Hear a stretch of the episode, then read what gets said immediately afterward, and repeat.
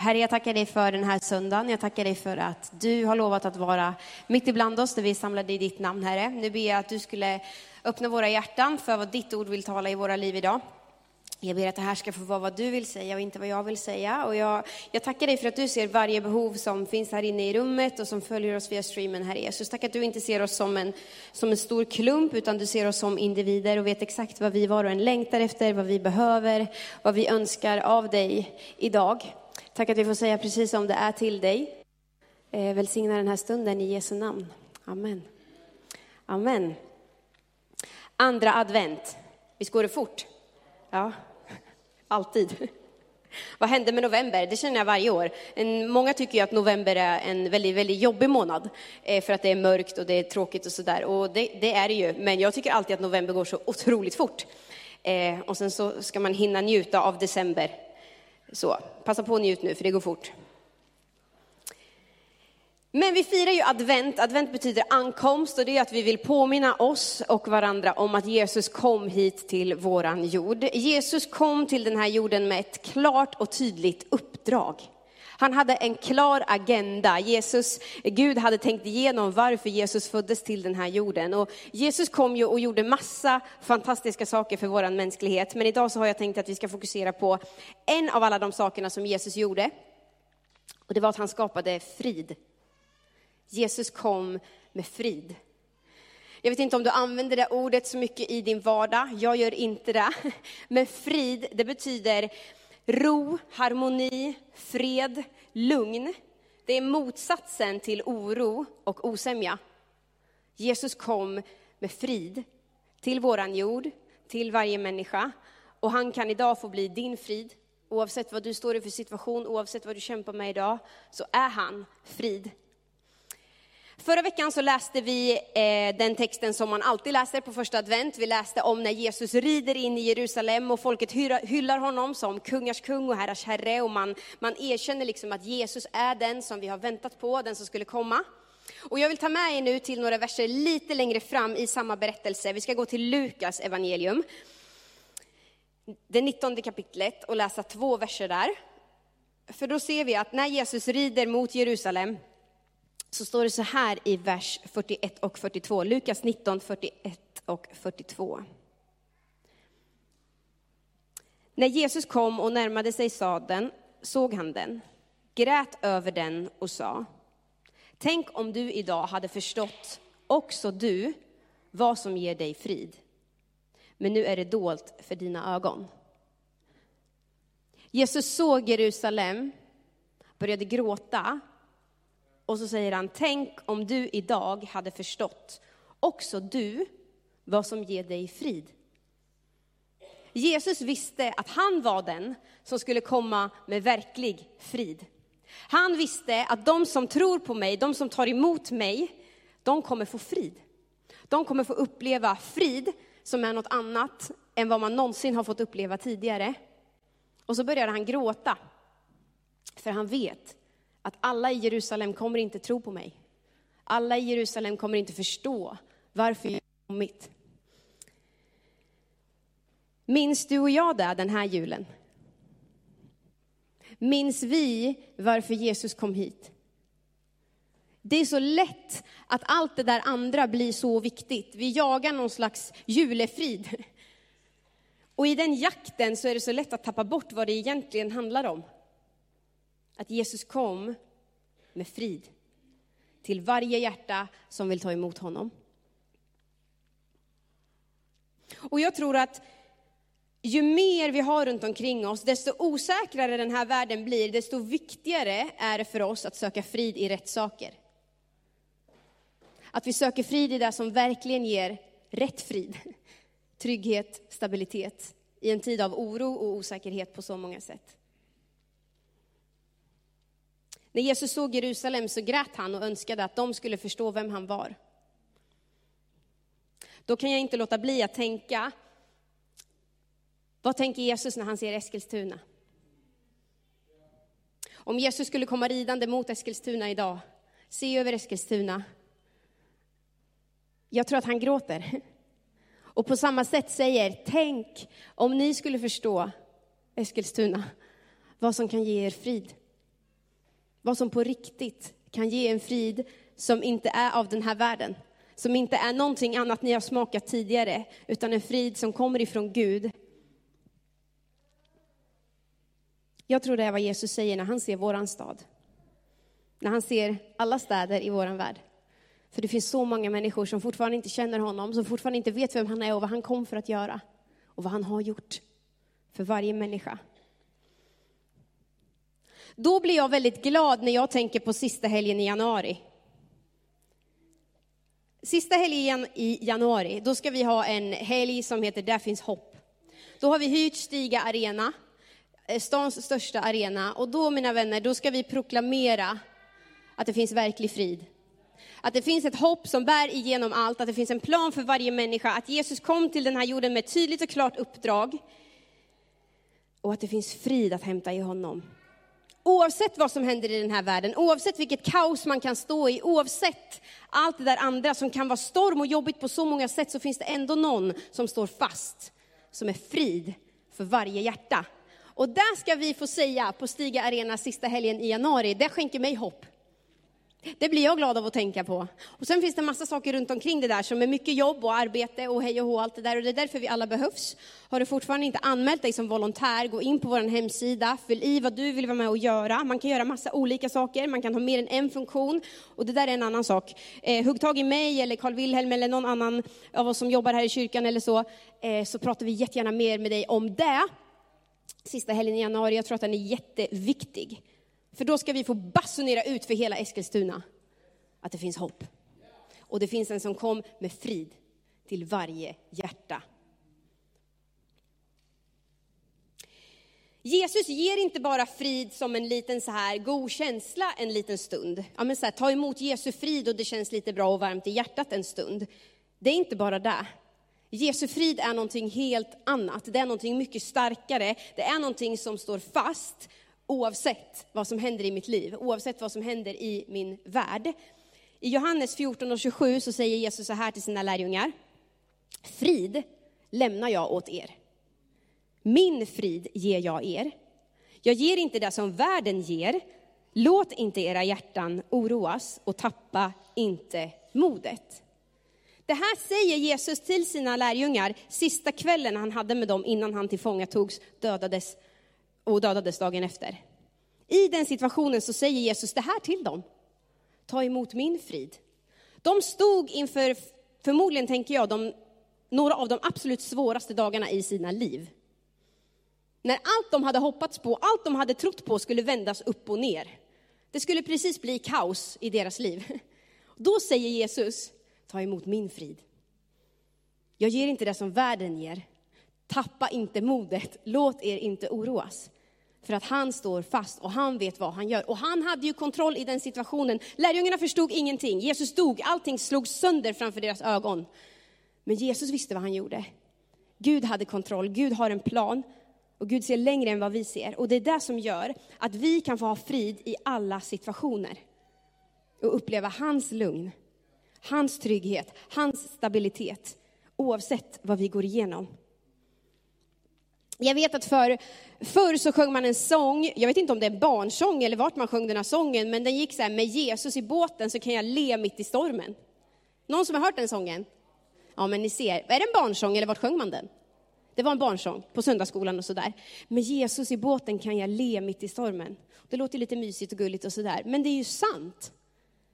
Med Jesus i båten så kan vi le mitt i stormen. Inte för att det är storm, vi ler inte för att det är kaos, men vi kan le för att Jesus är där, med oss, mitt i stormen.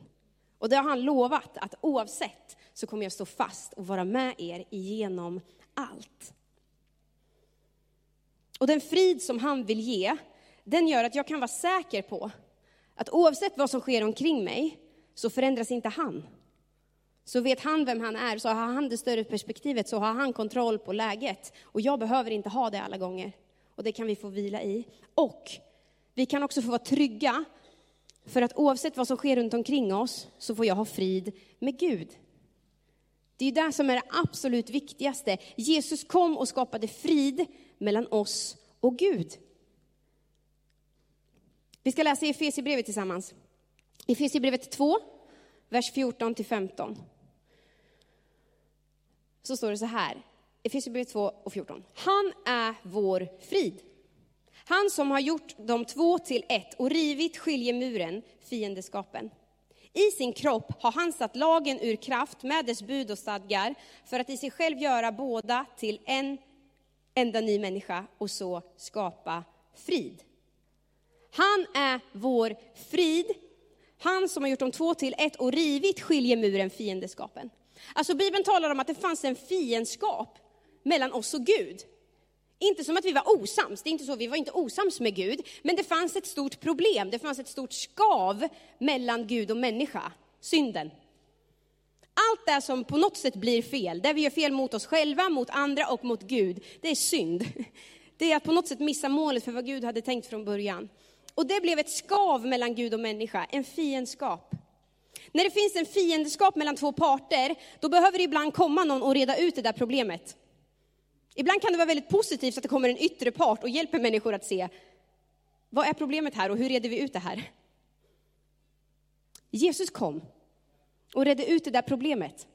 För att Gud var inte nöjd med att ha det där skavet mellan Gud och människa. Gud hade ju kunnat säga okej, okay, här är ett problem, det får väl vara så här då. Han ville inte det. I kärlek till dig och mig så sänder han Jesus hit för att driva ner den där fiendskapen. För att det inte skulle vara ett glapp, för att det inte skulle vara ett skav. Och därför skapade han frid mellan Gud och människa. Ordet eh, frid, det skulle också kunna översättas med harmoni. Gud, kom och ska, Gud själv i Jesus kom och skapade harmoni. När någonting är oharmoniskt, det är inte trevligt. Eller hur? Vi ska kolla på en liten film här tänkte jag. Och så bara sitt här och njut och ta emot vad, vad den här filmen ger dig.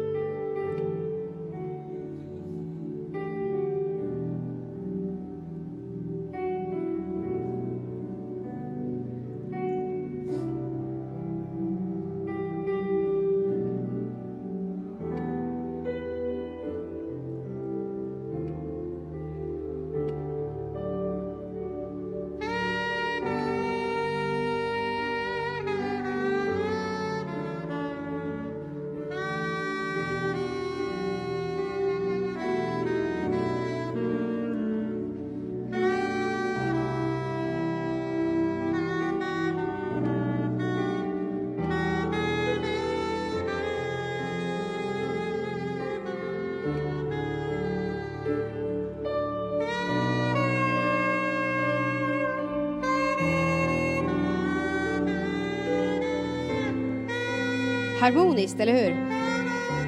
Vi kan, eh, vi kan eh, stänga av filmen, tack. Det här var fruktansvärt oharmoniskt. Jag vet inte om alla hörde det, men alltså pianisten spelar i en tonart och jag tror att saxofonisten spelar i en helt annan tonart. Eller någonting är i alla fall väldigt, väldigt fel. Det är fruktansvärt oharmoniskt. Och jag vet inte vad som händer i dig när du hör det här, men i mig så känner jag bara, nej, stäng av. Det går ju inte att ignorera att det inte stämmer, eller hur? Det går inte att tänka bara, jo men vad fint, han försöker ju i alla fall. Utan man bara, okej, okay, var klar nu. Vet ni, när någonting är oharmoniskt, när någonting inte riktigt stämmer, då tror inte jag det går att ignorera. Det går inte att bara liksom sopa under mattan och tänka att ja, ja, det får väl vara så där. Utan det, det skär ju i hela vår kropp. Det är någonting som inte är som det ska. Så är det också när det är oharmoniskt mellan oss och Gud. När det är ofrid mellan oss och Gud, då det skaver. Det är inte bra.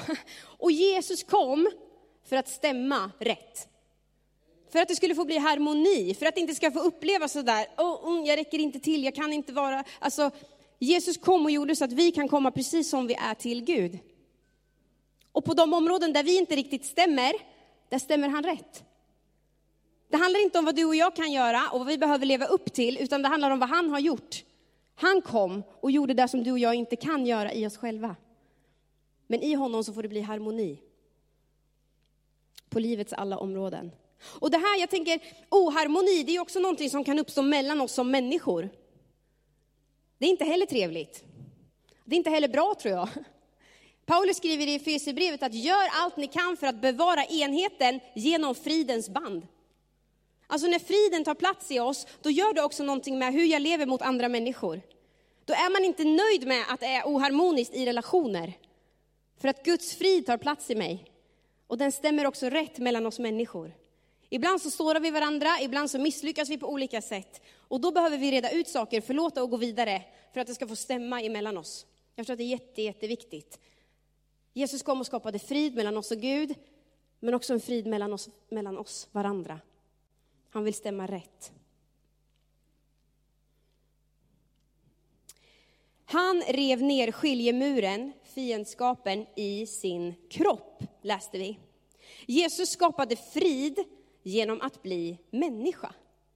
I sin kropp satte han lagen ur dess kraft, läste vi i Efesierbrevet.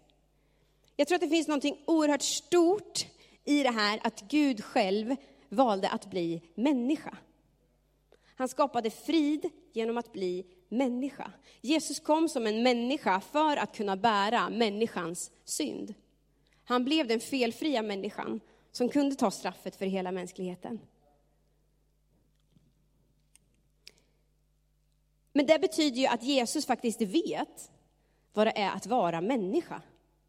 Har ni tänkt på det? Jesus blev människa med allt vad det innebär. Ibland tycker jag att det är svårt att vara människa. Inte som att jag hellre skulle vara något annat, för det vet jag ju inte hur det är. Så. Men jag tycker att ibland är det jobbigt att inte räcka till. Jag tycker att det är jobbigt när man blir trött. Jag tycker det är jobbigt när jag inte hinner allt jag vill hinna. Alltså, saker i livet drabbar oss. Det är inte alltid lätt att vara människa.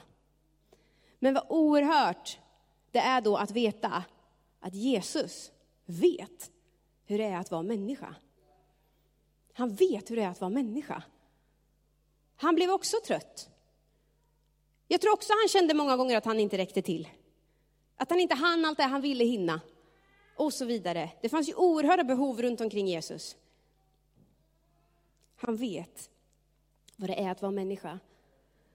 I Hebreerbrevet 4 och 14 så läser vi så här. Vi har inte en överste präst som inte kan ha medlidande med våra svagheter, utan en som har varit frestad i allt, liksom vi, fast utan synd. Det står att vi har en överstepräst i Jesus som har medlidande med våra svagheter.